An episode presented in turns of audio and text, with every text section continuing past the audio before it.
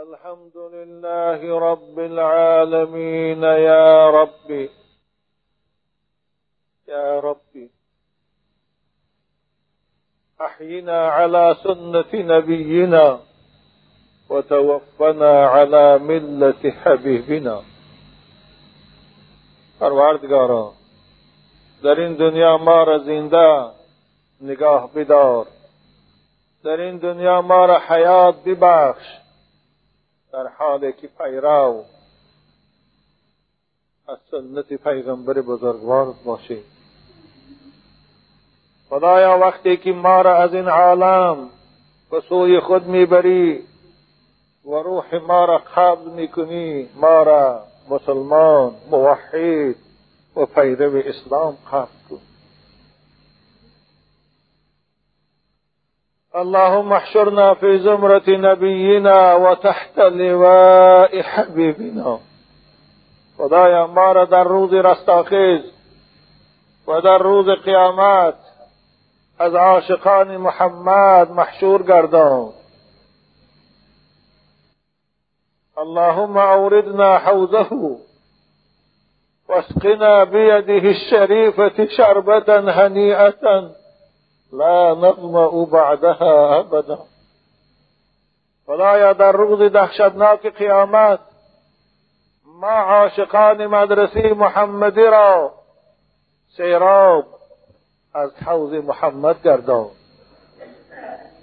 و با دست زیبای محمد به ما جام شراب نوشان که تا داخل شدن جنت تشنگی را حس نکنید آمين.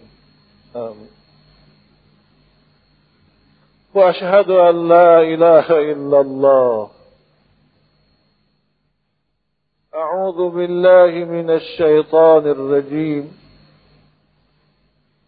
يا أيها الذين آمنوا إذا نودي للصلاة إذا نودي للصلاة من يوم الجمعة فاسعوا إلى ذكر الله.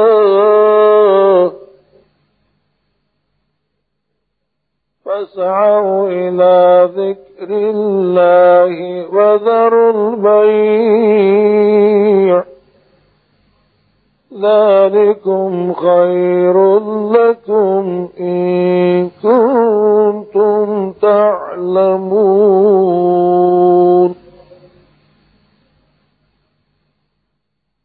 فإذا قضيت الصلاة فانتشروا في الأرض وابتغوا من فضل الله واذكروا الله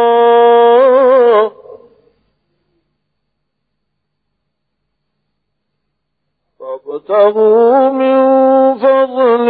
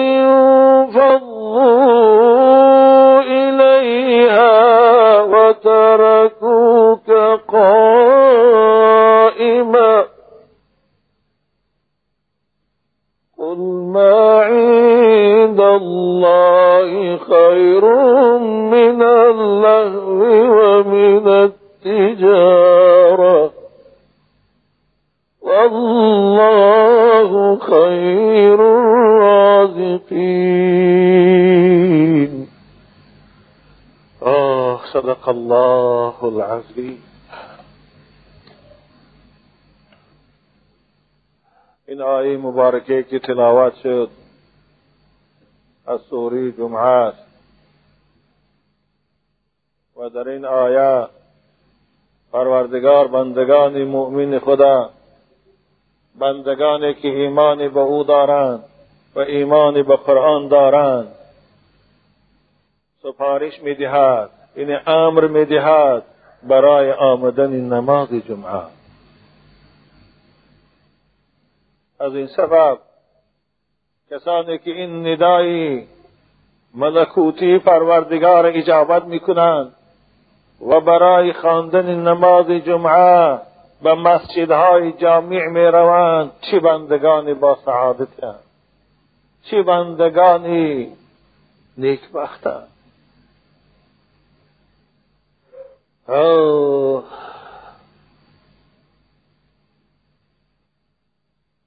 مای عزیز اولا حکمت از فرضیت نماز جمعه چیست؟ برای چی پروردگار در یک هفته یک روز به بندگان خود نماز جمعه را فرض گردانید؟ معلفا پیشواهای دین در کتاب ها می‌گویند حکمت آن است که بندگان خدا در این روز از بحر کارهای دنیوی خود گذرند و برای شنیدن و برای فهمیدن احکام دینی خود از پیشواها و از علماها به مسجدها روند. زیرا که انسان طبیعتا به کارهای دنیوی به کارهایی که نفس به او رغبت دارد به کارهای زیانگار بسیارتر رغبت دارد بسیارتر کوشش می‌کند. نسبت به کار خیر دیدن از آن سبب که همیشه روزهای او فقط از پیروی شیطان فقط از پیروی هوا و نفس تمام نشود. پروردگار بندگان خود چه امر کرد که در یک هفته یک روز شما از بحر کارهای دنیوی گذرید و به مسجد روید از پیشواهای خود احکام اسلام او سخنهایی که درباره فایده شما در این دنیا و آخرت است شنوید. البته این ناممکن است که تمام روزهای هفته هر روز ما در یک جا جمع شویم. و این برای هر کس امکانیت نمیتید. این حرج است. اما لا اقل خدا در یک هفته یک روز ما و شما را سفارش داد که از بحر کارهای خود گذرید. برای شنیدن احکام اسلام و در مسجدها جمع شویم. این یک. دویم عزیزان من حکمت از فرضیت نماز جمعه این پیدا شدن اتحاد و الفت و محبت در بین مسلمان هاست ببینید در این مسجد ما با آدم های محبت کردیم ما با آدم های دوست شدیم و الفت حاصل کردیم که هرگز اونها را نمی شناختیم هرگز اونها را ندیده بودیم. اما جمع شدن در یک جا سبب پیدایش محبت سبب پیدایش الفت سبب دانستن احوال یکدیگر بشود بنابر همین سبب پروردگار نماز جمعه را برای بندگانش فرض گردان. رسول اکرم وقتی که به مدینه آمدن در سالی اولی از هجرت بود والله اعلم نماز جمعه را پروردگار فرض کرد. بنابر همین آدمایی که از نماز جمعه محروم هستند خواه به کار دنیا مشغول هستند خواه در خانه هاشان هستند زندگانی می‌کنند اونها چیزی از احکام اسلامی خود نمی‌دانند. اونها نمی‌دانند که اسلام از اونها چی طلب دارد. اونها نمی‌دانند که خدا به اونها چی سفارش داده است. چی فرمان داده است باید اجرا کنند. چی چیزها را نهی کرده است حرام کرده است باید از وای خداشان نگاه دارند. اینها را نمی‌دانند. از این سبب فهمیدن اینها و دانستن اینها فقط به سبب آمدن مسجد در روزهای جمعه می شود قوم عزیز حکمت های دیگه هم هست. لذا در کتاب ها بیان می‌کنن. اما وقتی ما نمی گنجاند اونها را به تفصیل بیان کنیم. از این سبب نماز جمعه فرض عین است. نماز جمعه را کسی خواند فرض پیشین از او ساقط می شود اگرچه بعضی عزیزا فرض احتیاطی را خواندنش سفارش دادیم در گجاهایی که شرطهای جمعه نباشد. فقهای بزرگوار ما. لیکن امروز در تمام عالم اسلام فرض احتیاطی خواندن نیست. در اگر در افغانستان نباشد نمی‌دونم این علما اینجا لیکن در همه من ما در بیت الله هم بوده در ایران هم بودیم در اونجا فرض احتیاطی بنابر همین ما باید جمعه را فرض عین اعتقاد کرده خانیم اگر کسی می‌خواند فقهای ما هم رخصت دادیم باید این فرض احتیاطی رو در خانهش رفته خواند تا اینکه آدم ها گمان نکنند که جمعه فرض نیست و پیشین فرض است. من می‌بینم بعضی شما های یک نفر دو نفر در اینجا فرض احتیاطی می‌خوانید قوم عزیز. از روزی که ما جمعه خان شدیم از وقتی که قبلگاه ما جمعه می‌خوانند چیل سال زایدتر شد حالا ما فرض احتیاطی نخواندیم که ما جمعه رو فرض عقیده داریم برای چی احتیاطی می‌خوانیم؟ هر عبادتی که بشک انجام شود و عبادت حساب نیست. حتی میبخشید در نارد فرض احتیاطی خواندن به این درجه عود گرفته است که بعد جمعه را خواندن حتی بعضی ها طلب کردن که چهار رکعت فرض پیشین هم احتیاطا جماعت کنید اگر این رواج یابد این صورت جمعه را فرضیت از گمان آدم ها میبرود. بنابراین هیچ حاجتی به خواندن نیست. اگر بسیار ذوقی در عبادت داری رغبت داری خواند رو ثانی به چهار خون. اما در مسجد سبب تشویش آدمان شیطان.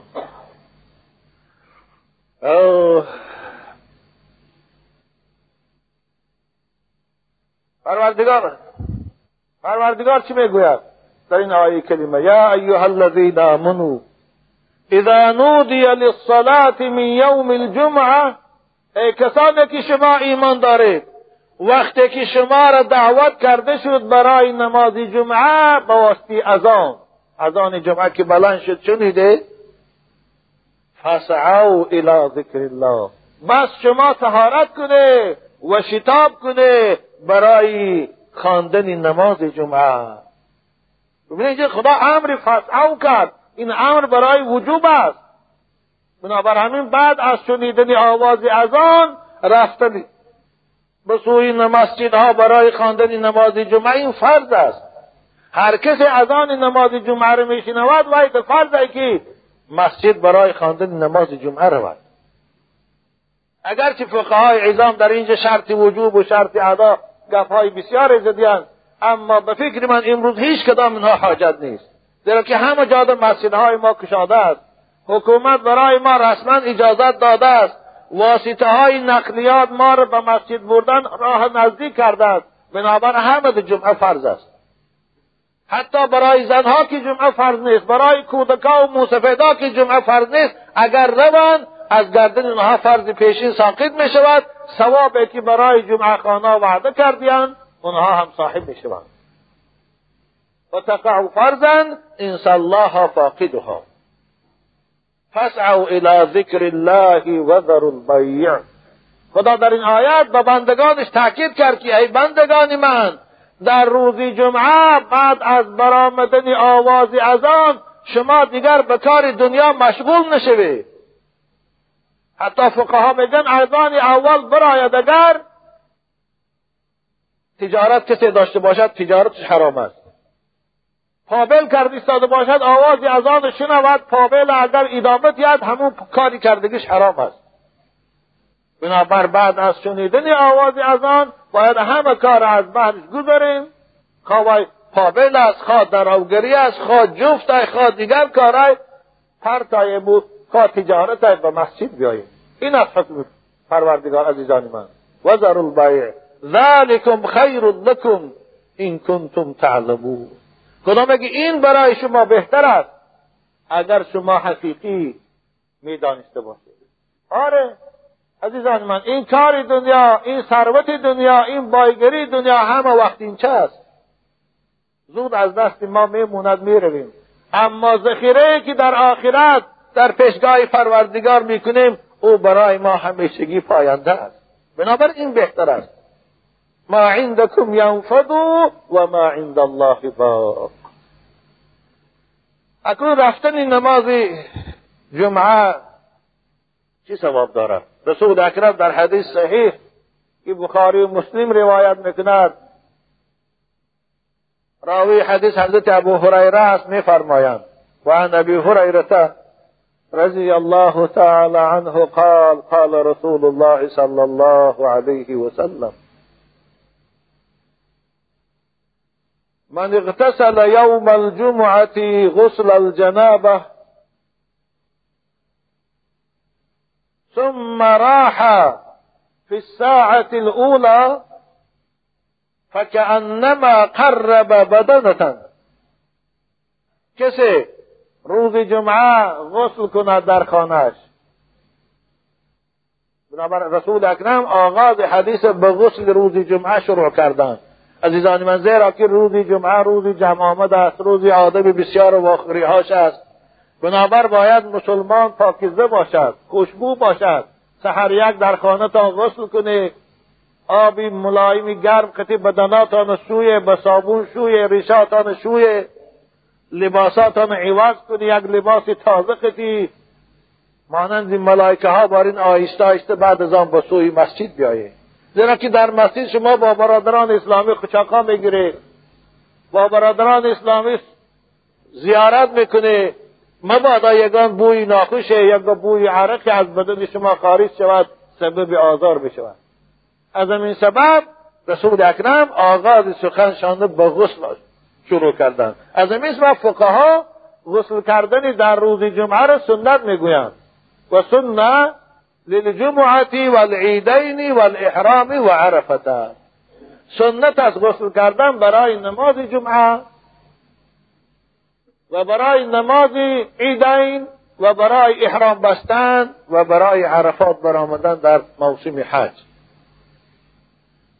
بنابر غسل کنه لباسهای تازه تا نپوشه. در روز پنجشنبه امکانیت باشد اگر موی سرتان بلند شده باشد موی سرتان گیره. موهای لب بلند شده باشد موهای لبتان گیره. ناخناتان بلند شده باشد ناخناتان گیره. این یک صورتی زیبا کتی گویا اینکه یک توی می‌روه کتان آرایش داده با مانند او به مسجد بیایه غسل کرد برای نماز جمعه. رسول اکرم بچه گفتن؟ ثم راح فی الساعة الاولى بعد از آن آهسته آهسته روان شد. به سوی مسجد در ساعت اول ساعت اولی روز جمعه. مانند شما بعضی من می‌دانم ساعت یازده مسجد میبیان. ساعت اولی جمعه مسجد در آمد شیش از ساعت یازده یا یازده و نیم از همه پیش. در مسجد آداب در آمدن مسجد این از قوم عزیز همه برادر از ما خواهشم کرد که آداب مسجد را بیان کنند. وقتی که از در مسجد می درایی السلام علیکم. اللهم صل علی محمد و علی آل محمد. اللهم افتح لی ابواب رحمتی. از در مسجد که در آمده پای راست پیشمونی اول. ثانی سلام کنه که ملائکه های الهیش کسم که نباشد جواب شما رو می‌گیرن. علیک بعد از آن به پیغمبر خدا صلوات فرسته اللهم صل علی محمد و علی آل محمد. ان ثانی بعد دعا کنه خواه فارسی دعا کنه خواه عربی. اللهم اغفر لی ذنوبی و افتح لی ابواب رحمتی. خدایا گناههای من گذر. خدایا درهای رحمت بروی من کشا. گویان از مسجد در آمده ثانی به یک جاده صف گرفته بشینی این از آداب در آمدن مسجد. یعنی این آدمه که از همه پیش مسجد میبیا ساعتی دوازده یا یازده و نیم رسول اکرم او را چی ثواب وعده کردن؟ فکعنما قرب بدنتن. گویا این آدم چنان ثواب می‌گیرد که یک اشتر در راه خدا قربانی کرده باشد. یک اشتر چی قیمت دارد؟ چی قدر پول میستد او را کشته گوشت در راه خدا میتی چقدر ثواب بگیری آدمی که مسجد اول شده می‌روه همون قدر ثواب می‌گیره دو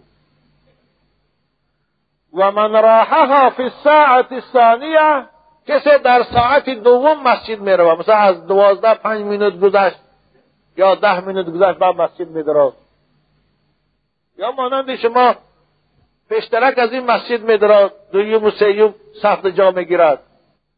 رسول اکرم این هم ثواب خوب می‌گیره گفتم فکعنما قرب بقرتن گویا این آدم قربانی کرد. گاوا یعنی یک گاوا در راه خدا کشت گوشت به بندگان خدا تقسیم کرده داد مانند هوای ثواب می‌گیرد. و من راحها فی الساعت الثالثه کسی که سیوم شده به مسجد درآید در ساعت سه. این در ساعت سه معنا میگه ساعتی دوازده و پانزده تا دوازده و ده تا در مسجد درآید فکانما قرب کبشا اقرا گویا که یک قشقاری شاخداره در راه خدا قربانی کرده باشد. این حدیث بخاری و مسلم است. برای رسول اکرم کشکار گفتن که پروردگار در عوض حضرت اسماعیل از جنت کشکار رو کرده بود. برای همین لحظه کشکار حضرت بیان کرده در اینجا. و من راحها فی الساعت الرابعه کسی ساعت چهارم به مسجد می رود این معنا همه که چهارم سفته یا پنجم سفته جا می گیرد دوازده و بیست به مسجد می درد فکعنما قرب دجاجتن این آدم گویا یک مرغ خرید و کشت گوشت یک فقیر تقسیم کرده داد. این ثوابش کمتر است. به هر حال ثواب می‌گیرد.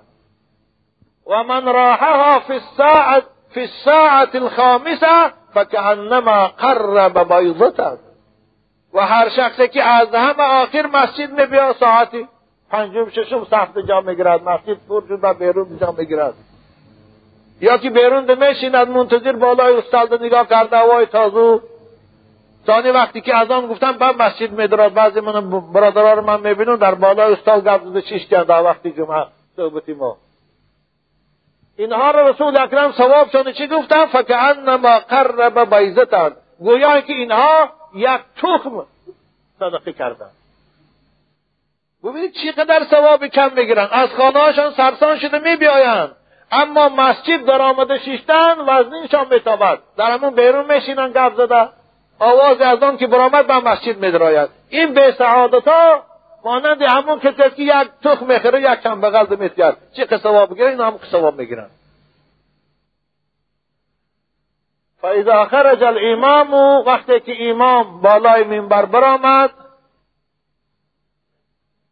برای خطبه خواندن بالای منبر که برآمد حضرت الملائکه ملائکه ها هم از کوچه ها که روی خط می‌گرفتند عزیزان ما همه ما و شما که مسجد می بیاییم ما را روی خط مان ملائکه ها می نویسند به نام ما فرزندی که از گجاش هم بشه روی خط چه می‌گیرند پیشگاه پروردگار در عرض می‌کنند ویا وقتی که امام بالای منبر برآمد او ملائکه ها هم جمع می‌شوند و حضرت الملائکه یستمعون الذکر.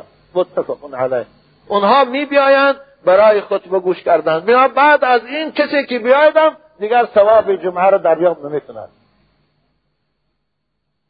از این سبب قوای عزیز اول شده مسجد آمدن این بسیار ثواب دارد لاقل کار کنه که در ساعت دوم سیوم در مسجد خدا تا جا کنه. کوشش کنه که از همه عقیب مسجد ندارایی زیرا که مسجد بهترین مکان است. مسجد یک باغ از باغ جنت است خوشا به حال کسی که پیشتر در آمده در این باغ جنت نشسته ذکر خدا رو بگوید این ثواب بود که رسول اکرم برای مسجد بیاها در روزی جمعه وعده کردند. وقتی که سوری جمعه میخواندم از تفسیر قرطبی. امام قرطبی خدا رحمت کد یک حدیث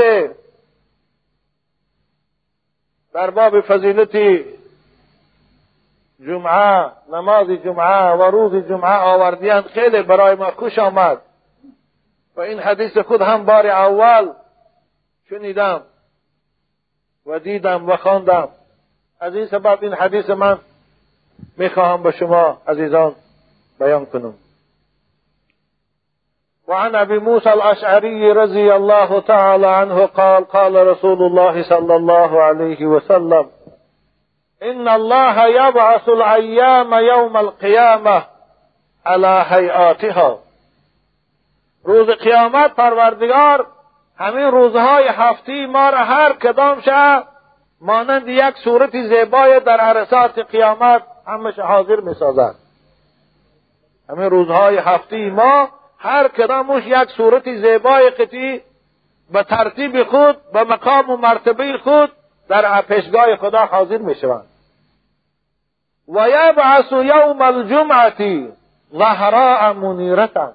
لیکن در بین اینها رسول اکرم گفتن روز جمعه را پروردگار عرصات قیامت را پیدا میکناند چنان زیبا چنان نوربخش که نور او خیلی جا را روشن می‌کند. رسول اکرم گفتن مانند یک آدمی زیبای در بین دیگرها چگونه فخر کرده میستد جدا شده میستد از زیباگیش در بین این شش روز روز جمعه هم تو فرق کرده میستد از زیباگیش و خوشروبیش و از نور افشانیش. حضرت چی گفتن با و اهلها یحفون بها کالعروس. تهدا الى کریمها. کسانی که در این دنیا جمعه را دوست می داشتند و در روز جمعه از بحر کارهای دنیوی خود می گذشتند و مسجد می رفتند آن روز در اطراف جمعه جمع می شدیند مانند که من عروس بریم اگر ببینی اطراف عروس چی قدر خیش و تبارا جمع می شوند دوستا جمع می شوند او را آرایش داده زینت داده به پیش شوهرش می‌برند. ان همچنین همه در اطراف روز جمعه همان روز جمع است در عرصات قیامت. این او را خدا یک صورتی خیلی زیبا دا. می آفریند.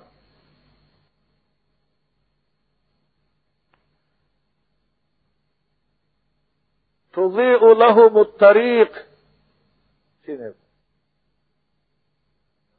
تضیع لهم الطریق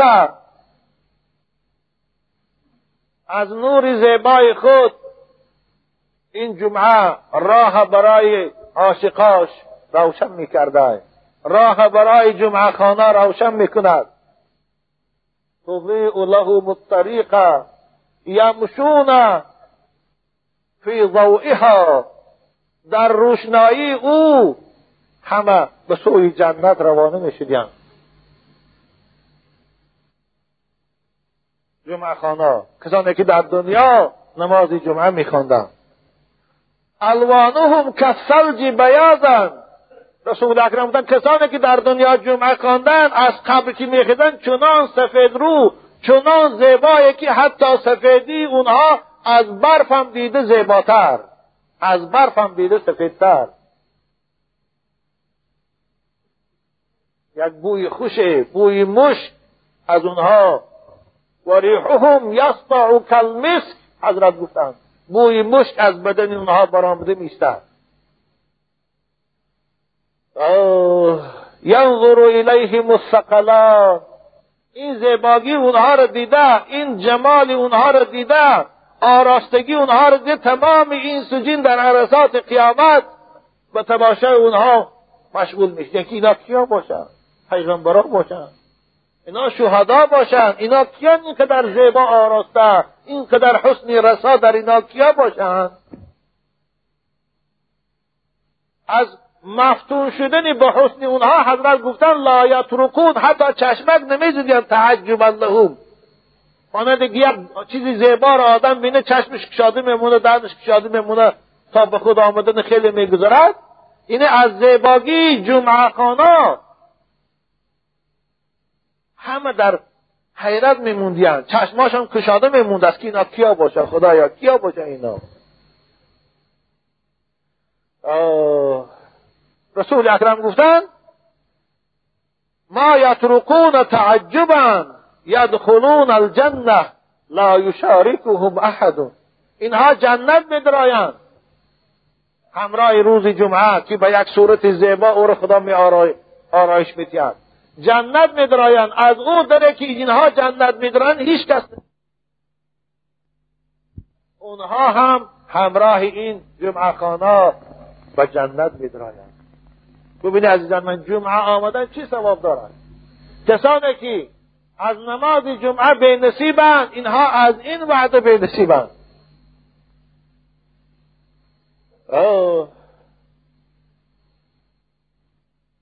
رسول اکرم صلی الله علیه و سلم خواندن نماز جمعه را برای پیروان اسلام واجب گردانیدند اینجا واجب به معنای فرض هستیم حضرت حفصه مادر ما می‌گوید رسول اکرم گفتند رواح الجمع و رواح الجمعتی فرض على كل محتلم. رفتن به سوی نماز جمعه این فرض است برای هر یک شخصی بالغ شده. بر هر فردی که به سن بلاغت می‌رسد اگر یگان عذری شرعی نداشته باشد باید جمعه فرض است باید جمعه رود در روز جمعه؟ بهترین روزهای هفته است. فرمای عزیز. رسول اکرم میفرمایند این یوم الجمعه من افضل ایامکم. روز جمعه بهترین روزهای شماست.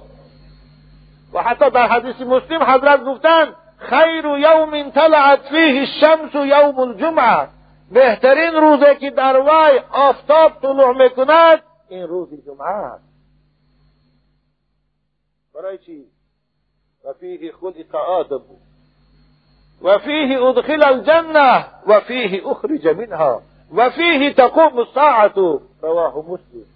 در روز جمعه روز است که بابای ما حضرت آدم علیه السلام آفرید یعنی روز پیدایش انسان است در روز. روز جمعه روز است که پروردگار حضرت آدم برای نشان دادن و برای راحت کردن به جنت داخل کرد. یعنی اشاره به بندگانش کرد که این بندگان من من شما را برای جنت آفریدم. این جنت از جای شما.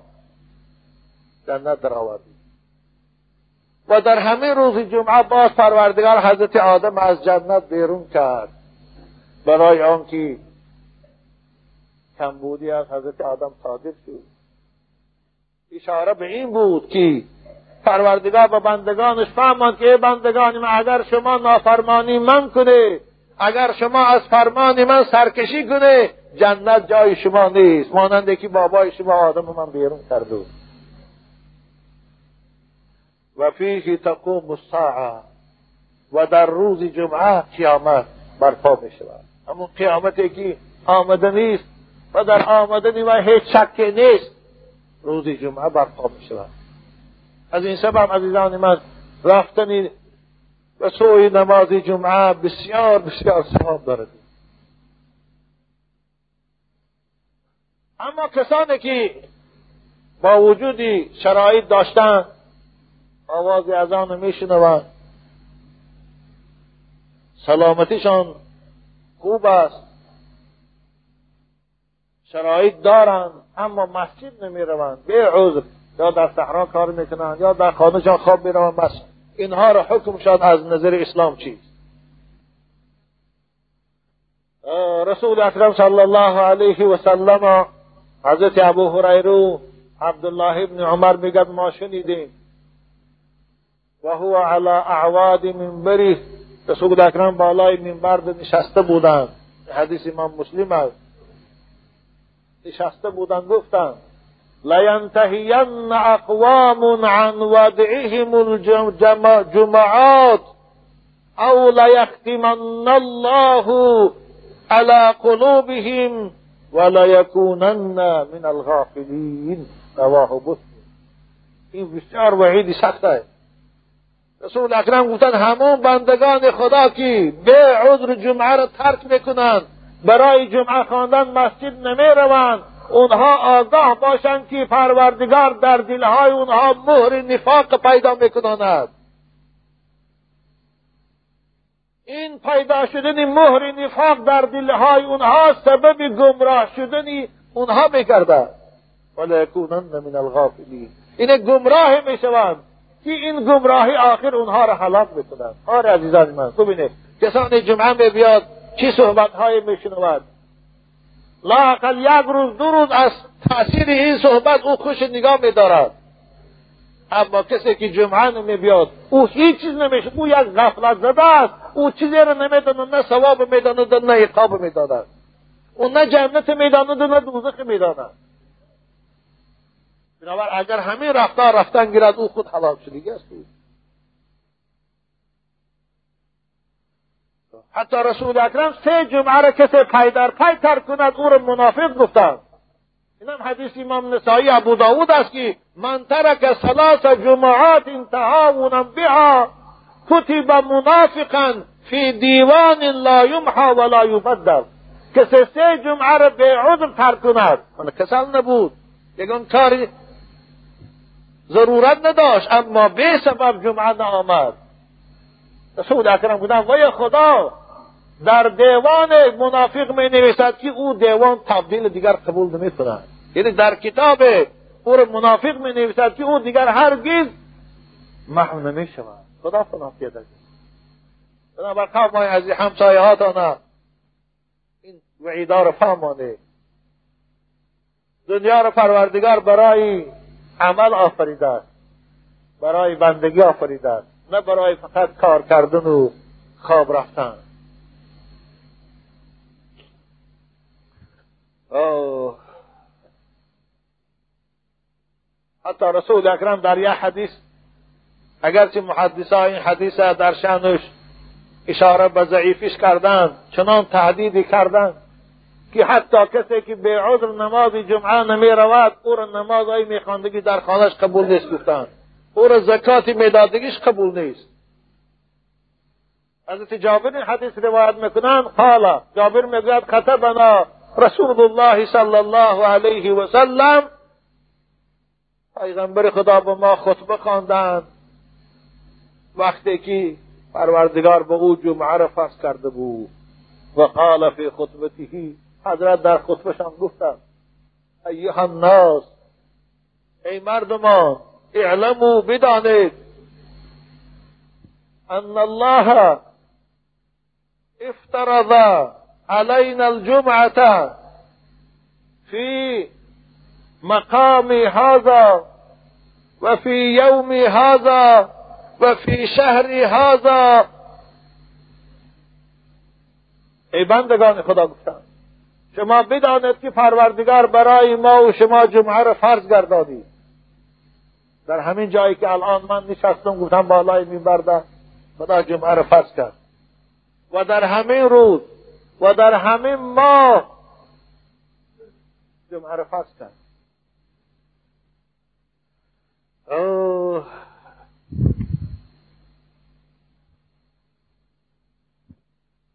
من عام هذا الى یوم القیامه.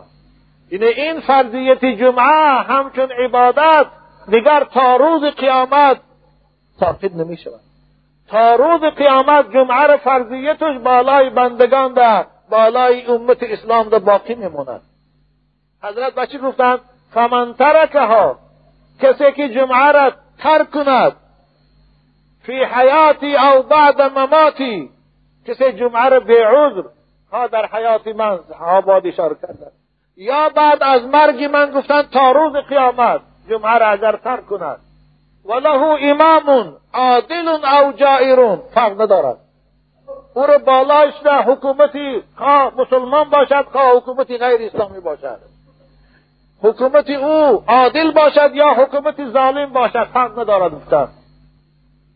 اگر جمعه را ترک کند یعنی جمعه نخواند حضرت چی گفتند فلا فلا جمع الله شمله ولا بارک فی امره. خدا این تا آدمه هرگیز جمعیت چه؟ متحد نگرداند.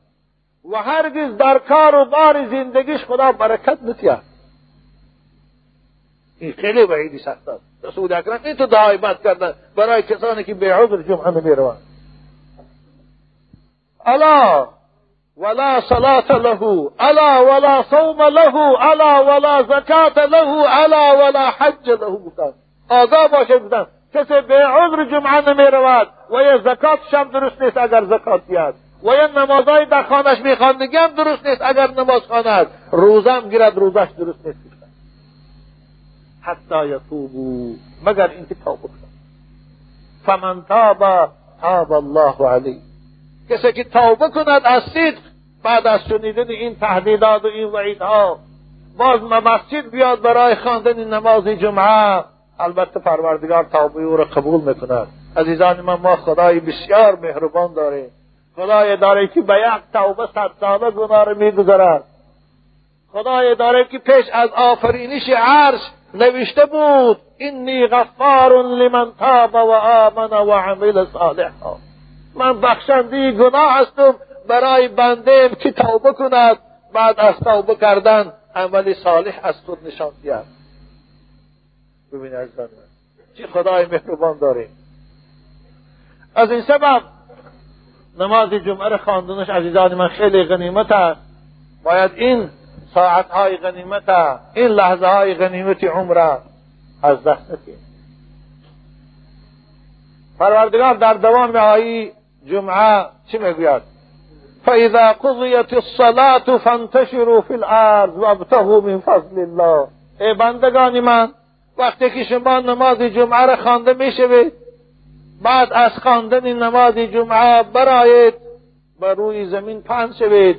این صحراها روید دهقاناتان کار صحرا کنه تاجراتان دوکانداتان روید دوکانداری کنه. دیگر مشغولیت داشتگی ها به مشغولیت های خود مشمول شوید یعنی بعد از خواندن جمعه این آیه کلمه دلالت می‌کنه که بعد از فرض جمعه دیگر نماز نیست. فانتشرو خدا امری به پنج شدن کرد. بنابر همین فرض احتیاطی خواندن حاجت ندارد. حضرت عراق ابن مالک رضی الله تعالی عنه صحابی بزرگی پیغمبر خدا بود. نماز جمعه را که می‌خواند دهن در مسجد میبرآمد رو به قبله می‌کرد می‌گفت اللهم قد دعوتنی. خدایا تو من دعوت کردی به خواندن نماز جمعه من به مسجد آمدم.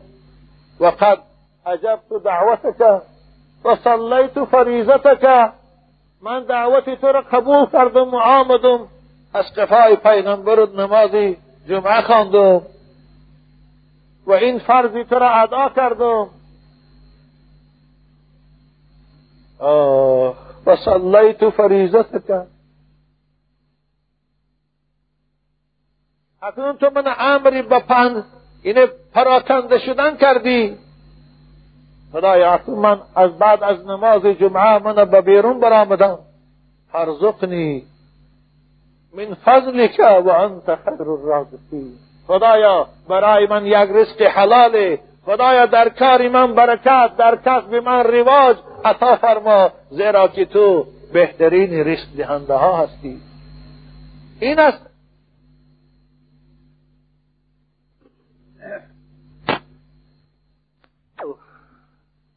بنابر شما وقتی که از مسجد می برای قوم عزیز همین دعا رو شما هم کنه این فارسی شما کنه البته زبان عربی با یک بار گفته من در ذهن شما نمیم. خدایا تو من امری به نماز جمعه کردی من مسجد آمدم. این فریضه تو را ادا کردم. اکنون به اجازت تو من بیرون برای باز کار و بار زندگی می‌روم. خدایا در کاری من برکت عطا فرما. خدایا رزق من از فضل زاید کن که تو بهترین رزق دهنده ها هستی. گویان ثانی از پی کار شوی تو. انشاءالله کسی این دعا رو می‌کنه خدا برکت در رزقشم می‌دید برکت در کسب و کارشم می‌دید خب قوم عزیز وقتی ما هم به پایان رسیدی استاده است. یک چیزی دیگر تاکید کرده هستم که وقتی که مسجد میدرایید تا صحبت ما شروع شدن پنج دقیقه ده دقیقه یا پیش یا خفا خواهش می‌کنم که سخن دنیوی نگویه در مسجد. مسجد در آمده هر که خود به ذکر مشغول شود هر که خود به تسبیح گفتن مشغول شود با یکدیگر یک ساعت شما خاموش باشه. به ذکر خدا مشغول شوه انشاءالله زیان نمی‌کنه فایده بیست چهار ساعت عمر تا فقط گپی بیهوده میگذرد کار کنم یک ساعت مسجد خاموش یک تسبیح گره و سبحان الله الحمد لله ولا اله الا الله والله اکبر همین تسبیحات زاید گویه انشاءالله این فایده می‌کنه بعضی شما رو من می‌بینم در مسجد نشسته اما گپ می‌زنه در مسجد نشسته گپ دنیا رو میگوی حالا که رسول اکرم در مسجد گپ دنیا میزدگی را خیلی تهدید سخت هم کرده هستن بنابر کار کنه خدا تانه این خجالت زده در پیشگاه خدا نکنه و آخر دعوانا ان الحمد لله رب العالمین. در جمعه گذشته به شما من وعده کرده بودم که ده دقیقه بیشتر من صحبت به تمام می‌کنم برای خاطر جواب دادن مکتوب های شما. شما ده دقیقه فرصت داریم. مکتوب های شما رو من جواب میگیم با ماندست با کلام شما خواهد در جمعه آینده.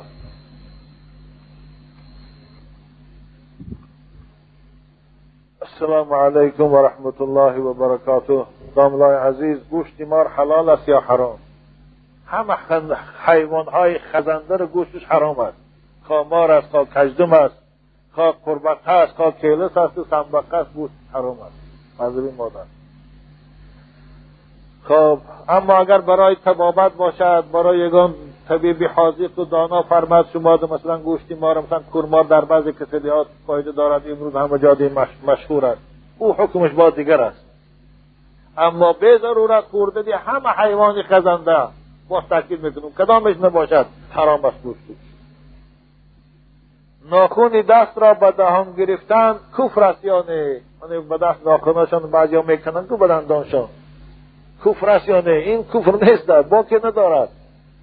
بعضی کتاب ها عزیزان نه کردیم به دندان ناخون نگیره گفته اما اگر مبادا اونجاش خستگی باشد گرفته فرسدن کارچه نباشد و مثلا ناخون گرگ نباشد آزار میدادگی باشد به دست گرفته فرقید با که ندارد. یا به دندان کنده فرقید با که ندارد. این نه کافر میشه نه گناهگار. این بسیار گپ خطاست کفر به سبب شدن. در خانه گربه باشد خاصیتی نقض دارد یا بعد. کسی که گربه رو دوست میدارد برای او خاصیتی نقض است. کسی که رنگ من پیشه که نقض نمی‌بیند من خود خانم رو پیشک ندارم. لیکن تربیهش خوب است. به شرطی که در لب دسترخوان کدی شما از دسترخوان شما این نان نخورد.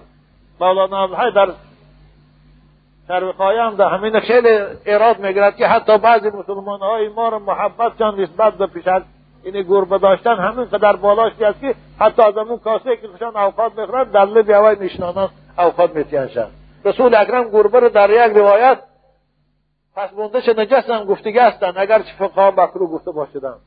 این هم از جمله درنده ها حساب می‌شود. و موش چی کار می‌کنه دو برای همین بانی کنه اما علاحده جای نگاه داره داخل کرپتان در آمده قطی شما خواه رفتن.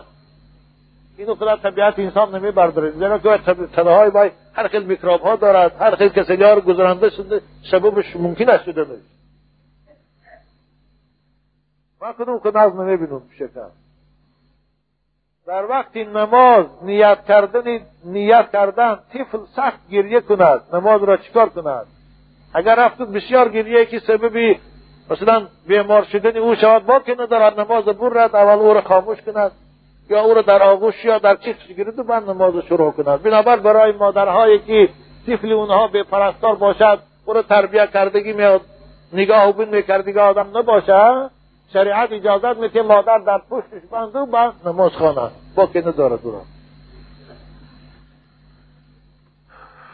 بسیار گفت زدن گناه هست یا نه؟ این همه سوالا هم برادر دادن امروز البته گفی بسیار دل آدم میمیراند و چلکتا و صاحبش می‌گوید تو.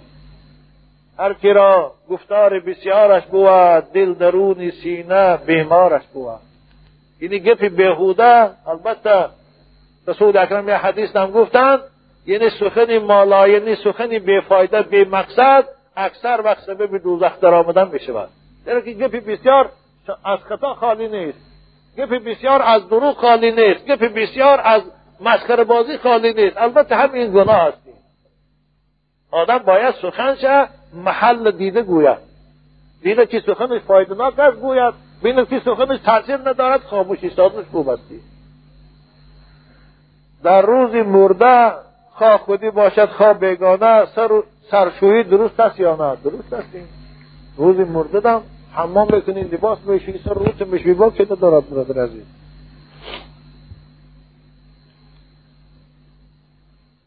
السلام علیکم بابایشان با استاذ مهربان و این چنین تمام فرزندان شما. التماس همتان من بدگمان را که در حق شما گمان بد بردم. ببخشید. و از درگاه زلجلال در حق من آمرزش و دعای خیر کنید. من و تمام بیماری های من چی ظاهر و باطین شفای کامل عطا کرده باشد. برادر از ما کسی که در حق ما گمانی بد داشت اما وقتی که تاز داملا آمده بود همه را بخشیده بود. ما هم همه را بخشیده گستیم ما انشالله از هیچ کس دعواگر نیستیم. آن چیزی که در بالای ما آمدیم برای همه بود. ما این از قضای الهی می‌دانیم. بنابر از کسی ما خفه هم نیستیم ما همه را بخشید خدا شما را بخشد. خب گپ های همین بود است. برادر از خواهی بسیار کرد. تا امروز حق ما دو بدگمان بود است. اکنون پشیمان شده است از این رفتارش خب. السلام علیکم اشان نورالدین جان. من در مکتب عالی دو سال شد که تحصیل دارم. اولش هدایت خداوندی بعد با موعظه های پی در پی شما من حجاب اسلامی را رعایه می‌کنم. به مکتب رفتنم را مادرم رازگی داد ولی پدرم نمی‌خواهد. از خواندن من راضی نیست. پدرم می‌گوید که اگر آدم قرآن خان یگان راه دیگری را انتخاب کند خدا او را می‌زند. من که خود قرآن خان هستم. ولی من دیگر مقصد دارم که خوانده اسلام را با دیگران فهمانم و دیگر دخترها را هم به راه راست هدایت کنم. و این کار راست راست پیروی کنم. یعنی پیروی کنم. آیا مقصد من مقصد پدر من درست هست یا نه؟ التماس به این سوال من جواب ده این این خواهر عزیز در مکتب عالی تحصیل می‌کرده است اما از تحصیل او پدرش راضی نبوده است وقتی که شما خواهر عزیز حجاب اسلامی را رعایت کنید در وقت تحصیل از کارهایی که جوانای امروزه می‌تونه خودداری کنه یعنی گرد معصیت نگرده و دیگر دگانه هاتان هم دیگر دخترای مسلمان هم مانند خودان تربیه کرده تانه برای اسلام دعوت کرده تانه. این خواندن شما در مکتب عالی هیچ کل گناه ندارد بلکه ثواب می‌گیره شما.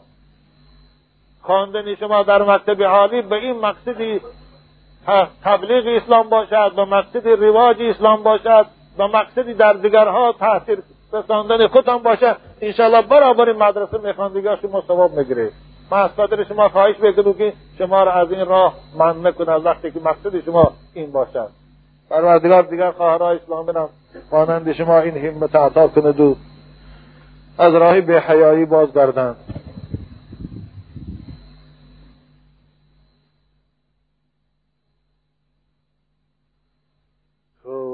برادر عزیز سوال بسیار دور دراز داده که وقت ما تنگ مون جمعه دیگه خداخواهی بیان می‌کنیم. السلام علیکم حضرت داملا. من به شما گویم. تقایی چی خیل؟ تقایی قدر تقایی چی خیل؟ قدر دارد. اینجا گردنی تقا را بوسه کنم می‌شود یا نه؟ دو مقصد مراد یعنی این سوال خیال مضمونش همین است که یعنی خواهرزاده گردن تقایش بوسه کند درست است یا نه یا مثلا دادرزاده گردن عمقش بوسه کند درست است یا نه البته با که نداردیم بوسه کردن گردن تقایی یا پیشانی یا مثلا تقایی پیشانی خواهرزاده رو بوسه کند این که نداردیم اما مثلا امروز عادت شده از دهان بوسه کردن این حرام است. اگر به شهوت بوسه کند گناهگار می‌شود. اما فقط به محبت و شفقت باشد با که ندارد. به شرطی که محرم باشد.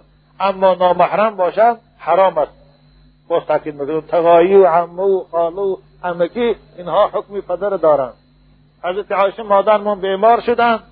حضرت ابوبکر صدیق همراه بلال خبرگیریشان رفتن که خیلی حرارت کردند. در حجره سعادت خوابند. شدن از پیشان حضرت عایشه بوسیدن. حضرت ابوبکر صدیق رضی الله تعالی عنه چه حال داری گفته پرسیدن. بنابر همین حدیث دلالت می‌کنه که با که ندارد این بوسیدن. خب اکنون باقی مانده مکتوبار خدا خواه باز در جمعه دیگه جواباش می‌گوییم. درست وقتی ما از هر روزه گذشت چند قدر دعا کنیم پروردگار این برادرایی که این سوالها را به ما ارسال کردیند و ایشان ثواب طالب علمی نصیب گرداند. و همه شما را عاشقان مدرسه محمدی هر مراد و مقصودی که داشته باشه به مقصودتان رساند. خصوصا برادرایی که برای شنیدن سخن خدا و رسول از راه دور به این مدرسه محمدی می آیند پروردگار. قدمهاشان در اجر جزیل عطا فرماید. و فرزنداشان عمر دراز و تنی صحت نصیب گرداند و بیماراشان شفای کامل عطا فرماید. و هر مراد و مقصودی که در این دنیا داشته باشد خدا به مقصودشان رساند آمین یا رب العالمین